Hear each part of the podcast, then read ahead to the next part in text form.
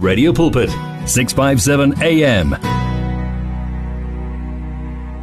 Singenile ke esigabeni sokugcina eh 20 after 4 o'clock nginomfundisi uDebogo Mokwena eh kanye no Dr Lesigo Molobela. Yeah sizokhuluma ke namuhla. Hey yeah ngiyacabanga ukuthi indaba esizoyikhuluma ihambisana neobedience. Um ngoba ukusetshenziswa ngoNkulunkulu akavele nje athi yebo kungaba ukuthi ukhethiweyo kodwa kuzoba kuwena ukuthi uyavuma yini ukusetshenziswa ngoNkulunkulu and ngeke usetshenziswe ngoNkulunkulu kube ukuthi awumthobeli. So sikhuluma ngalokho.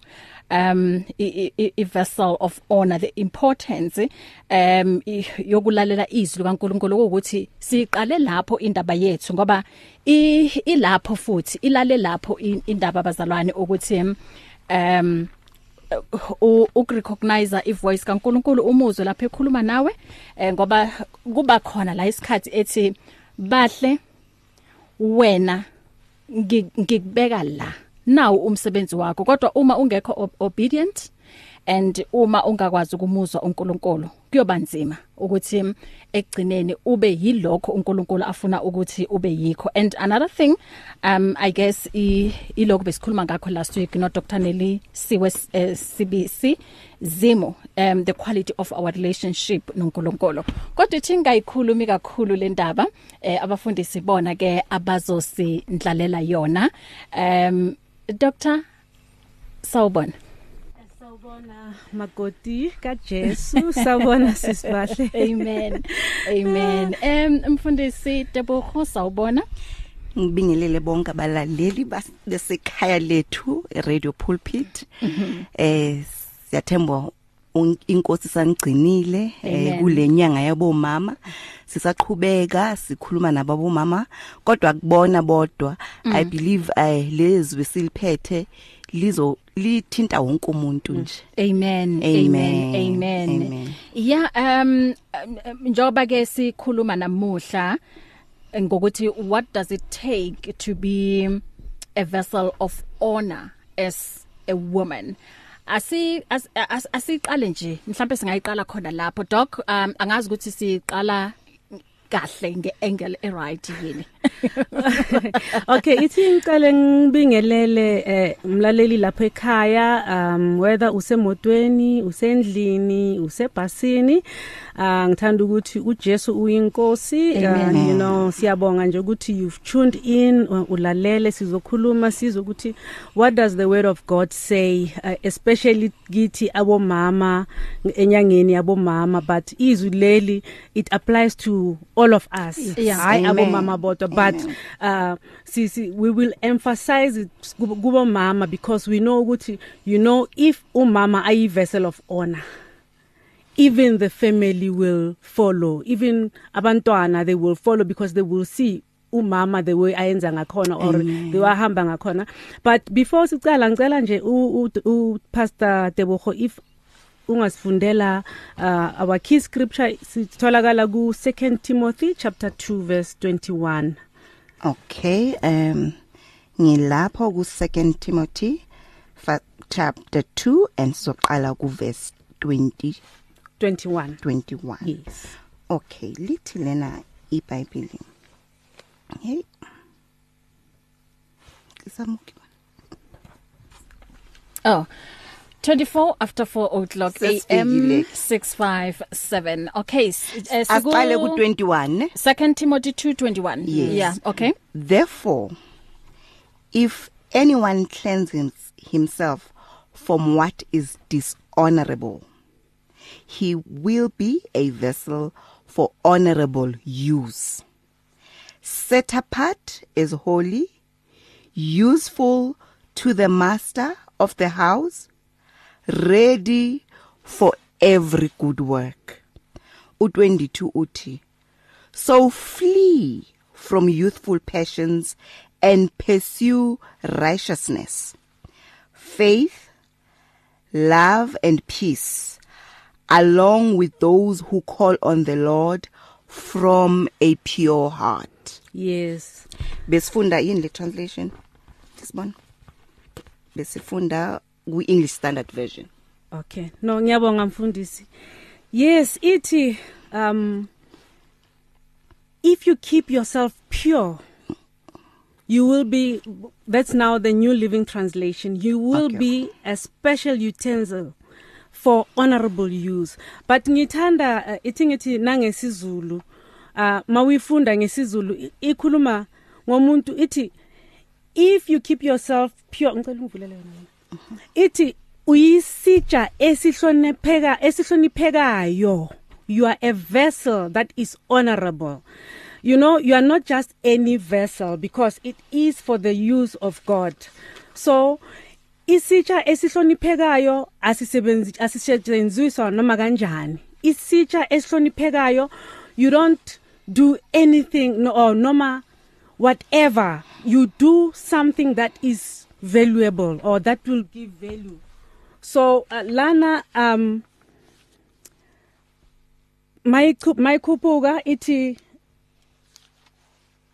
isitsha esingcwelisiwe let me read it lana. Umfundisi uyivalile laso.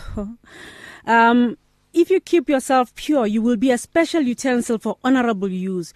Your life will be clean and you will be ready for the master to use you for every good work. So lana ikhuluma ngani ngesitsha like you know if you are a person ungekho in line with the word of God. If you are a person ungekho entandweni kaNkuluNkulu uyenza noma yini noma kanjani kodwa uNkulunkulu will not use you because God wants something that is honorable to use. He will not use any other vessel but he needs a vessel that is pure. Isitsha esinosizo kumninindlu according to iBible lesizulu. Ithi isitsha esilungiselwe umsebenzi wonke omuhle. So a vessel of honor will do umsebenzi omuhle hayi umsebenzi noma onjani. Amen.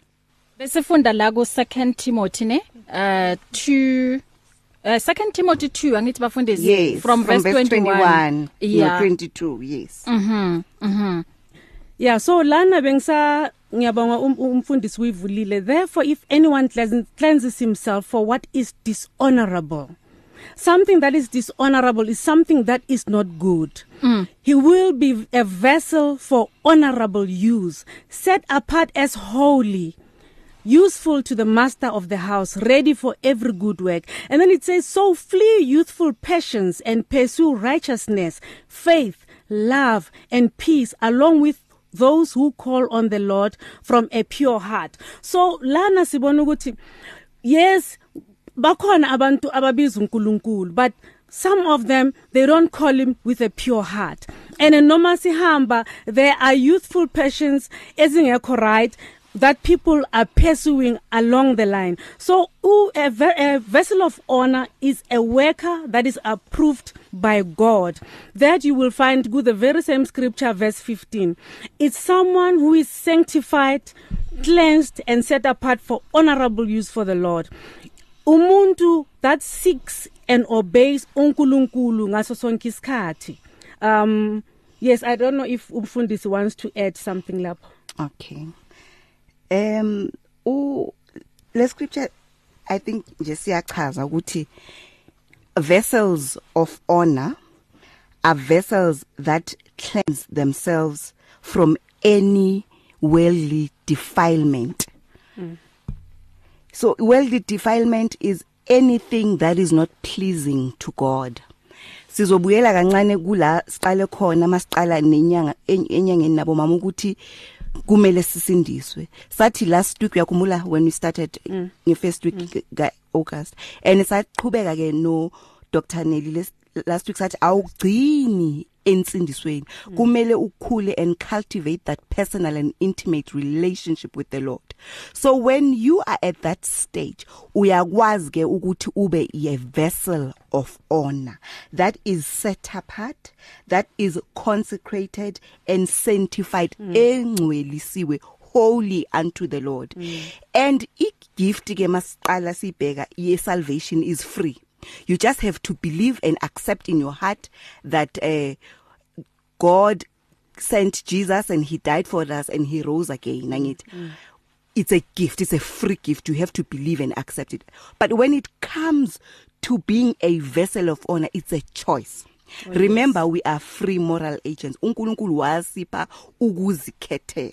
Siyazikhethela thina abantu ukuthi we want to be vessels of honor mm. le enziwe ngegolide or that one of wood ubonile yes, lapha yes. description mm, sisibuliwe mm, so it is our responsibility sis fike kuleyo point of maturity spiritual we're talking about spiritual maturity here and say we are set apart we sanctify ourselves and we we we are consecrated mm. unto the Lord mm. so that ezokwazi ukusebenzisa sibe ama vessels agcwaliswe with the Holy Ghost and fire kaNkuluNkulu not ubuthina mm. kusuke all the worldly things because iBhayibheli liyatshela ukuthi carnality ukuhamba ngokwenyama is enmity to God oh, yes. with God mm. uNkulunkulu ufuna ukuthi njalo sibe yile izitsha ezigcwaliswe uyena kubonakale yena sinciphe thina kube uyena o overflowayo so that loyo mas overflow kwabanye abantu kuphume the sije sakuthinta futhi la ukuthi the attributes of God mm. his kindness his love iyasho mm. script mm. his um eh patience nje wonke mm. compassion eh zonke lezi zinto ezikuNkulunkulu ziphume kukithi so it is very very important as abomama ukuthi sibe ama vessels of honor and i like what you said mfundisi ukuthi if umama ekhaya eyi vessel of honor uyakwazi ukuthi achithele futhi kuyisitsha ebantwaneni mm, mm. uyakwazi ukuthi achithele kwabanye futhi aba ama members womndeni so kubalulekile kakhulu ukuthi sibe ama vessels of honor ukuze uNkulunkulu azosiyuza for and sibe worthy to be used by yes. God mm. yo engingakusho nje ukuthi um singabomama um uNkulunkulu is waiting yes. for us um to make us into what he has in mind mm. concerning Tina um singabomama ngobani? Ngoba kuyena we are a vessel of honor. Mm. angayisebenzisa for ini for udumo lwakhe for his glory. Njoba esho encwadini kaJeremiah 29 um lapha ku verse 11 ukuthi he, he knows the plans yes uthi for i know the thoughts that i think toward you uh, thoughts of peace and not of evil to give you a future and a hope. Uyazi meyikhuluma ngehope lencwadi ukuthi ngiyayibona manje ukuthi why abantu besimabe bahlezi bene hope ngesinye isikhathi noma izinto zingahambi kahle kodwa si uthole sibambisi sibambelele kulento ukuthi i know ukuthi kuzohamba kahle. Amen. Ngempela a hope is very important as vessels of honor because yeah. hope is the anchor of our spirits or of our so without hope eh siba um as asikwazi ukufunctiona kahle yini silahla ithemba. Mm, yeah. So kumele njalo sihlale ethembeni. Yes izinto zomhlaba ziyenzeka. Ama storms ayeza. Lithi iBhayibheli many are the afflictions of the righteous but the Lord delivers them from them all. Things will happen. As sihlala in a um in a fallen world but we must always have hope and our hope is in Christ and uNkulunkulu huye in the midst of a storm okwazi ukusipha the peace of God the peace that is from Jesus food mm, uyayibona mm, mm. so i hope themba always noma so ubona izinto zinjani you have to always proclaim and and speak mm. faith and say i know whom that I believe. Oh yes. Amen. My God is a deliverer. My mm. God is a provider. Mm. My God is a healer. My God is a way maker. Na uma indle kubonakala ngathi eh eh akungeke kulunge but ukuhlala ethembeni singabomama asilahli ithemba. Mm. Mm. Noma uthi ufundisa inga sometimes umtshela like I like to make an example ngokarab karabo here you have to tell him every day. Yeah. oh, please do your bed njalo. But una 20 manje. I have not given up. Yeah. noma seke segate lapho buya. Because. I, I will never give Yeah. up on Yes, him because I have that hope ukuthi one day. Yeah. and and that's also in nature kaNkulunkulu ngathi. Mm, aka aka aka give up. He loves us too much to leave us the same. Mm, so all the time it, there's that tagging or negging yomoya ingcwele akakuforced yeah we are but there's that take, so we going back to the fact ukuthi wena you have to be obedient Mm. Yeah. ukwazi ukulalela umuzi uNkulunkulu and do what he is telling you to do which is his will mm mm Yes, yes. Uh kuliciniso lapho uh God is always with us Yeah. and you know singabantu sometimes sinokugive up easily. Mm. But uNkulunkulu uyasilandelela there wasithanda ngakhona. You know he doesn't give up on us even if sometimes singahambi ngendlela le yena afuna sihambe ngayo. Yeah. you, you know he's so patient with us ngoba esithanda. So sonke we are all called to be the vessels. Mm. Of honor unfortunately mm. not everybody is yielding to this call Yeah. uh not everybody is prepared mm. to to do what God wants us to do you know um for one ukuthi ube i vessel of honor or lesitshe esihloniphekayo uh, uh, mawuyibeka ngesizulu uh, you need to possess the nature ekaNkulunkulu which is a loving nature his righteousness. You need to possess i character yakhe and you will find his characteristics. Mawufunda first John chapter 4 verse 8 you will learn ukuthi uNkulunkulu he's he, he's a loving God he's gracious he's compassionate he is slow to anger and he's abounding in love and faithfulness. So um sometimes uNkulunkulu njengoba asifuna ukuthi sibe pure before him sibe holy sibe cleansed before him and sanctified. Asikwenzi lokho bese singena enkingeni. Mase singena enkingeni then kula uzothola abantu they run kuNkulunkulu when they are in trouble. Mm. and those mina i refer to them as the rescue 911 prayers. Ukuthi uNkulunkulu ekubizile unjalo you are not prepared to do you don't want to listen to him you are disobedient but masongena etroubleini kulawazi ukuthi konje kunoNkulunkulu Yeah. which is according to me that's a rescue 911 prayer so mm. we need uh, to grow spiritually you know spiritual mm. maturity is very very important mm. that's where ukhula from being a christian to being a reflection of the son of god because icala kuphi uyasindiswa that's where you are ad- being adopted through salvation. Because remember kune there's there's uh, um biological birth and the spiritual birth. Biological kula mase uzalwa by your parent. And then spiritual uh, uh, um birth that's when you are being adopted through salvation as a son of God. But then mawufunda Romans chapter 8 verse 14 it says the process yakhona you are being adopted through salvation then you are led by the spirit of God.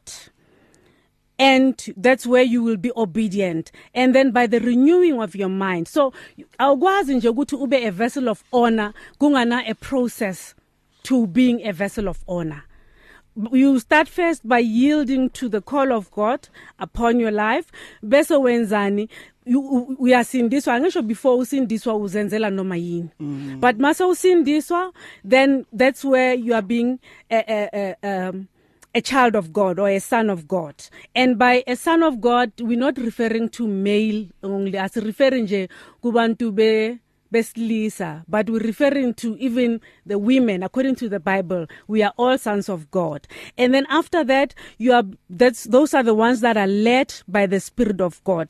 That you, you will find ku romans chapter 8 angazi mfundisi ukuthi singayifunda.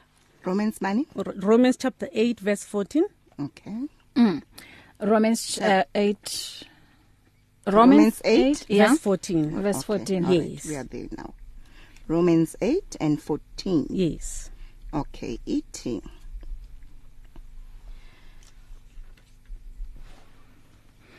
Prese- uh, uh, eating yeah Roman for I reckon that the suffering of this present time are not worthy to be compared with the glory which shall be revealed in us No, akusile asiyo Akusiyo. asiyo Okay, Romans bani? izoyifunda ngoba ngiphethe lana it's Romans chapter 8 verse 14 Okay. ithi for all who are led by the spirit of God are sons of God mm. so yile ngithi you know it's a process you start by being adopted through mm. salvation then you are being led by the spirit of God to being a son of God so it says for all who are led by the spirit of God are sons of God so Amen. if you are not if ungalidwa umoya kaNkuluNkulu you are not a son of God mm. this is it's clear from lana i don't think it needs us to ukuthi see explain it but if ungalidwa if you are not being led by the spirit of God mm.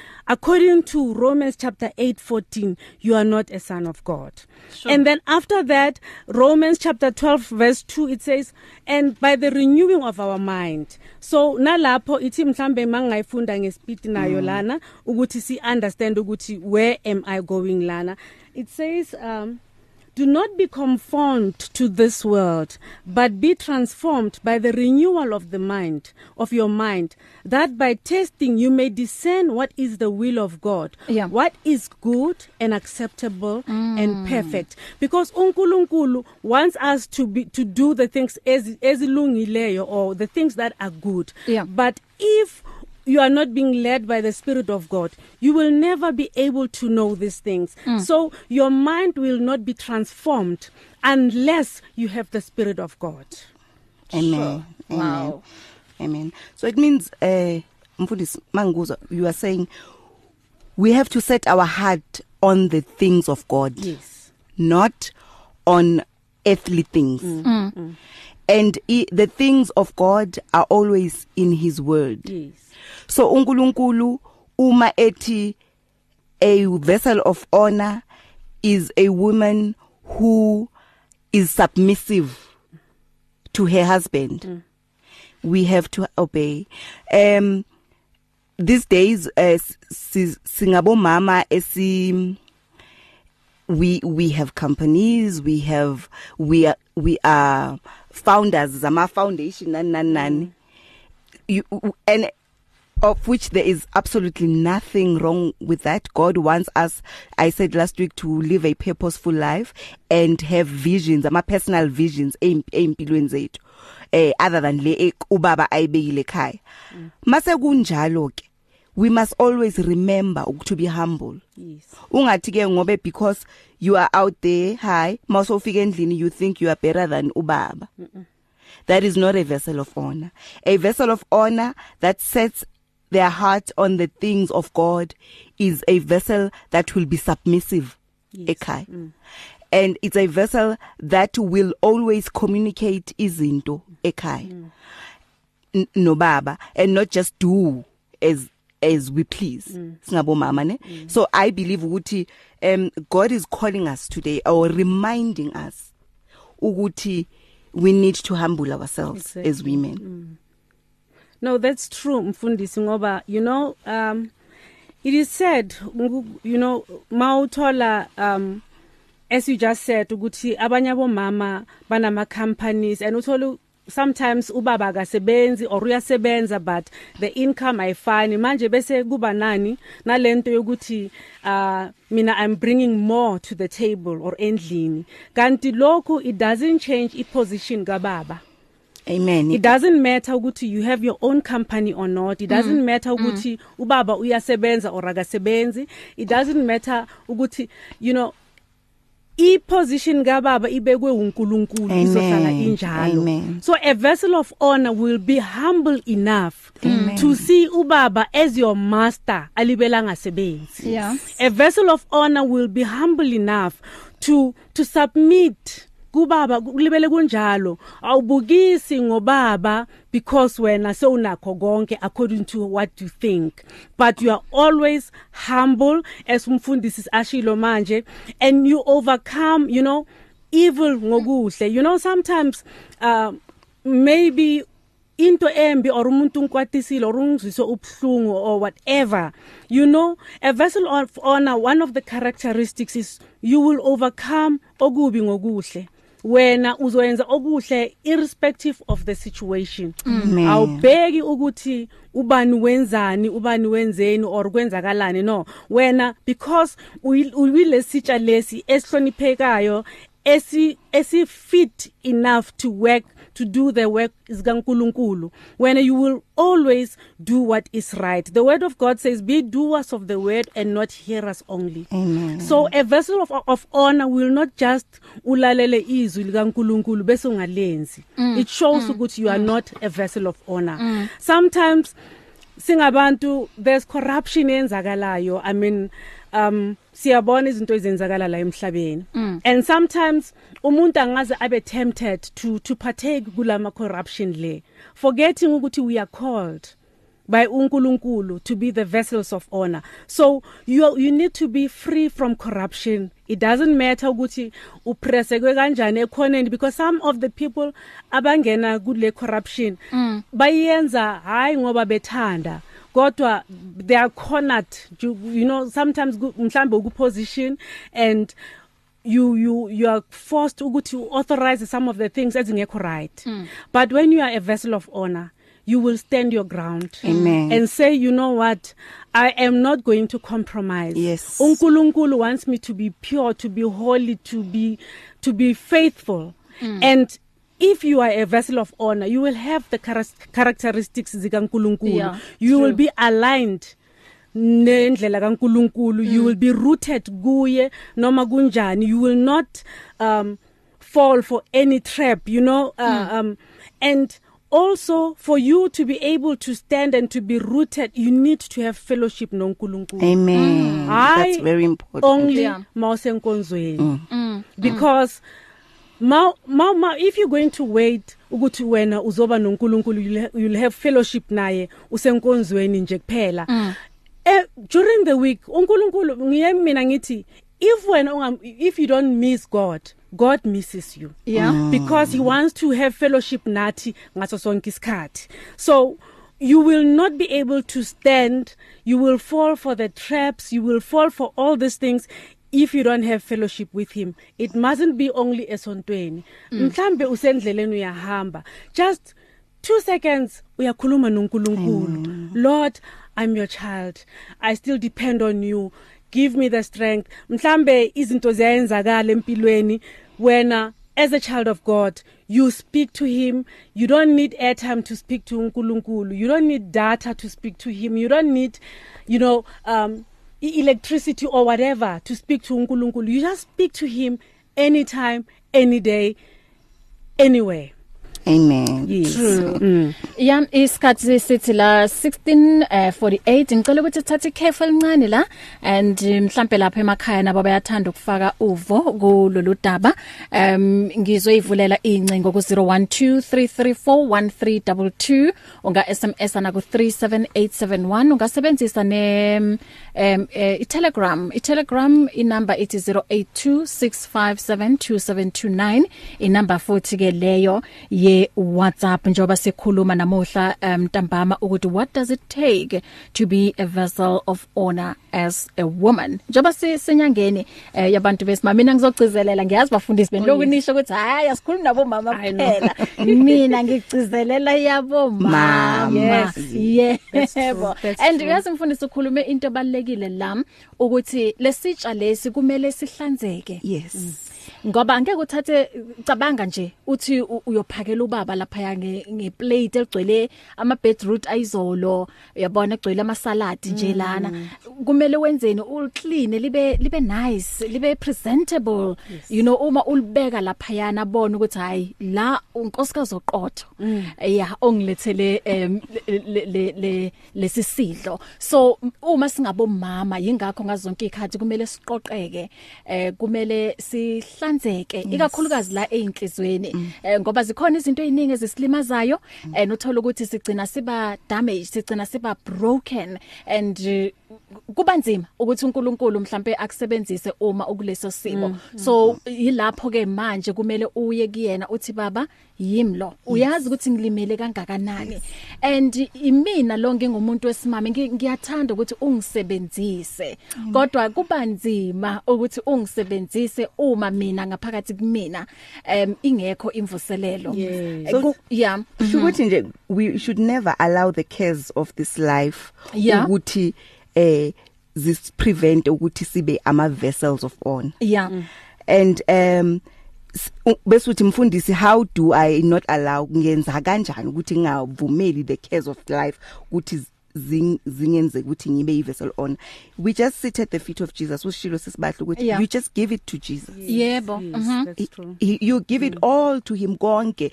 And if futhi sometimes not even ama setbacks or ama failures even the victories in life. Mm, mm. eh because sometimes if sesiba too victorious empilweni or sesiz achieve sicabanga ukuthi we've made it we've arrived. mm mm bese the element ye humility yasuka. Yeah. So na naloko loku the, the victories that glor let them glorify you amen. uNkulunkulu yeah. wa- akungabi nga- ngami makubonakale kona. Kuzo zonke lezi zinto engiz engiz achievile at the end of the day it must always go back to you. The glory goes Yes. back to you. To him. Yes, yebo. Mm.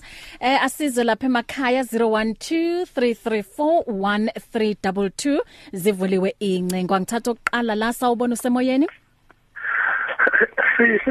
eh wetata Ha, njani? ah dala ngakugcina Eh, mama, hayi. Zikhona amachabi ngisebhizi kahle. ah ngiyabonga ukuzwa iphimbo lakho Ku- Kube fundisi mama nakubaphulaphuli. amen Ayi, Amen. ba- bayigqibile xa bethatha uJohn ngo3. Yeah. Uthi pha uthi pha umama okuzelwe ngumoya, kungumoya. amen. Mm, mm, mm. Meaning that now uma sithetha ngevessel of honor sithetha sibahle ngo- ngomama uyababona omama indlela abanithi ngayo eh now se- sephaka sisi la 5 7 colors U- u- uyayibona indlela abaphaka kube kuhle ngayo. mhm eh I- i- ithi ke ngoku okukuphaka kuhle kangaka ukuchaza into eseyihle kubo ngaphakathi. Yeah. Hmm? Hmm. xa umama ezawuphaka iplate enhle kangaka engakholwa. Hmm? how much xa enoyiphaka ke ngoku ekholwa? Kukuba kaloku mama we are expected now to bless the entire world eh? I- i- the entire world so ilinde ukublesswa now zizitya ezihle yes Mm. ekugqibeleni sibahle uthi umama i- i-vessel of honor ma ibe ne-approval kathixo Mm. and i- ibe ne- i- ibe ne-confirmation esuka ezulwini eh? nithi mfundisi i-vessel of honor ma ibe ne-signature kathixo thixo yini madoda so ma ibe ne-signature kathixo eh? now ekugqibeleni ibe ne-mark okanye isil engumoya oyingcwele amen wathi nje nabo mama umama abe nomoya oyingcwele u- uzawusenzela kanje umama sekote iRomans 12:2 hey uyiva uthixo u- uma cha sibahle sizinikela pha kuye Yep. sikuzethu eh and then u- uzawuzenzela ngokwakhe Amen. i-vessel of honor Yeah. hayi manje bulele sibahle ngokuzela wayikhosini Ah. Nkosi. Enkosi, tata. Bless you. Ma. Amen. You talk about Ngicela ukuthi ngindlule ngala eh, sisazoqhubeka ngivulele incingo bazalwane Become active. Active in Faith. 657 AM. 657 AM.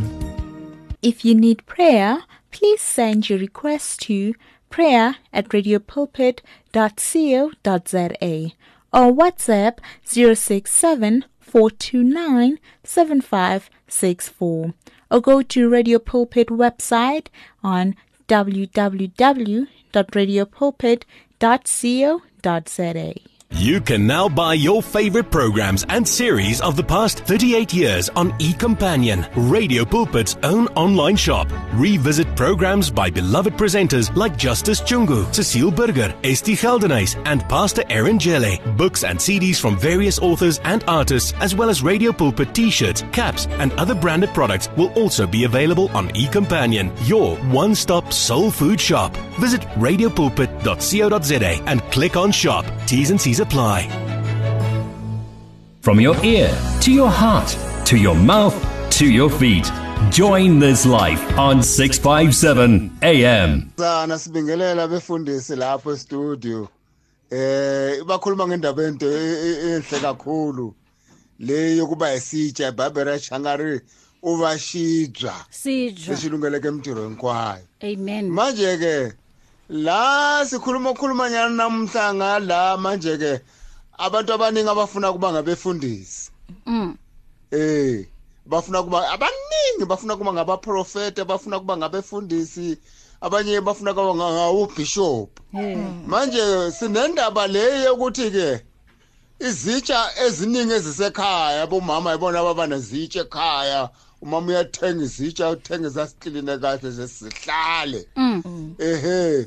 Kube sekuphuma kuye umama ukuthi leso sitsha uyasisebenzisa noma leso sitsha kasisebenzisi usibekile uthokoziswa umama ukuthi sihleli lapha usebenzisa ngalelo langafuna yoso afuna ngalo yena. Manje ke abantu abaningi bafuna ukuba ngabefundi uthola ukuthi uNkulunkulu akafuni ukuthi ube ngumfundisi.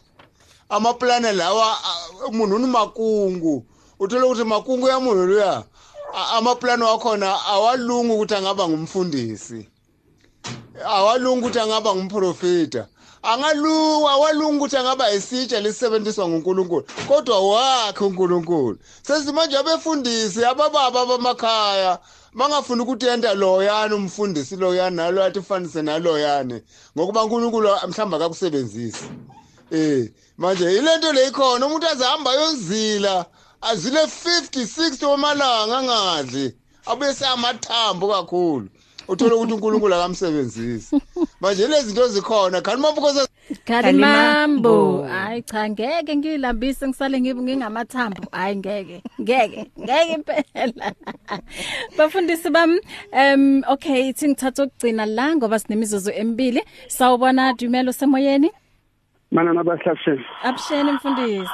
unenjani Yaphila. oh nayifukile ansho ukuthi abodokotela lana akusheni budokotela zimo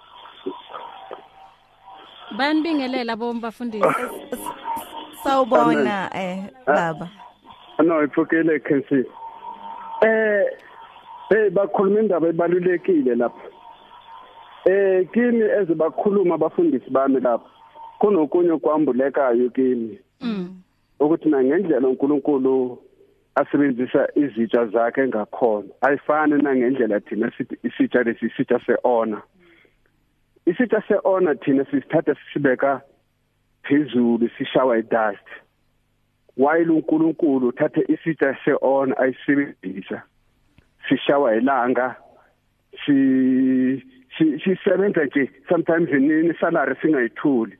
But uNkulunkulu leso sitsha lesasenza ukuthi thina sibe isitsha seona kuye. Mm. so u le ekhaya le Mozambique uyazi babungihamba njengoba iqeda kuphuma nje.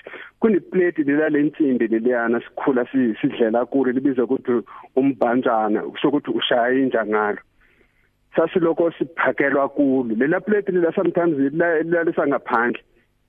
Ngesinye isikhathi lela plate leliyana uma inja yasondela nje umama ekhona la eduze uthatha lona plate lathi ba isitube khona la ibaleke. ngalo le plate lela elenge but yilo le plate lisebenza kakhulu liphake uphakelwa kulo abantwana. Isitsha seona sihleli laphayana sicabanisa abantu abangakholwa na na- nabafundisi ngoba abantu abangakholwa bathi uma umfundisi afikile ke wayaphakelwa kwesithi esinje. Ngoba thina sithi ngoba thina sithetha ukuthi na uyesiphakelwa kwezitsha eze ona ngoba ubaba walapha ekhaya uphakelwa kwesitsha lesingasona sitsha seona. So uNkulunkulu isitsha seona uyisebenzisa nje kongathi sibudlaba kathi thina abantu isitsha seona lesi sithatha sisibeke lapha sishawa idust. So masibe nezitsha lezi sizophuma noma sishawa idust noma ngaba kwenzakalani kodwa sishawe dust sazi ukuthi na sizitsha ze honor inkosi umsama ibusisi amen. And izitsha leze honor mama esikhathini siningi si close nomnikazi ngoba uyisebenzisa kakhulu. Esikhathini sina ngase asikwazi lokho. Bless you baba. Hey isikhathi sethu sishayile Pastor Ray vele angene. Bless you. Yeah. Bafundisi in 1 second 1 second. Um asivale. I'm going to say in one second ukuthi um singabomama. Nawo wonke nje umuntu osilale osilalele uma ufuna ukuba a vessel honor that is worthy to be used by God uh, just shut the door on things that are not pleasing to him. Amen. And also depend on God fully total dependence on the Lord mm. for him to assist you ukuthi ukwazi ukuba a vessel of honor. Amen. Mfundisi doc? Amen. Okay mina ngifuna ukuthi kube mama la ukhona ungakhohlwa ukuthi sonke sibiziwe to be the vessels of honor singabomama. Let us not lose our focus. Asinga asingaye singavumi usathana ukuthi asisuse kulezi zinto ezintweni zikaNkuluNkulu so that we focus ezintweni zala emhlabeni. Let everything that you do be something that will glorify uNkulunkulu.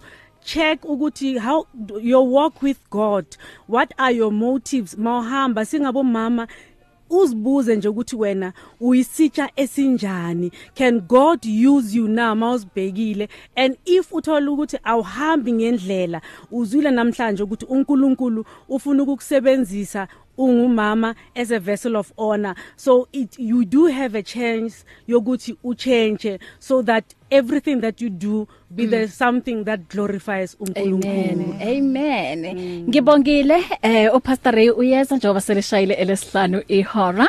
Eh inamba mfundisi masinya? 0790935027 na ku Instagram ngikhona uMiss Tebogo Mokwena Uh, doc all right uh 068 060 3266 and then i go facebook uh, it's leseho.molobela uh na ku Instagram it's uh Dr Leseho Molobela. Bless you. So hlangana futhi evekeni elizayo. Give your faith wings. Explore life with 657 am if you need prayer please send your request to prayer at radiopulpit.co.za or WhatsApp 067 429 7564 or go to Radio Pulpit website on www.radiopulpit.co.za. Reach your customers in the car, at the office, at home, or wherever they are, night or day.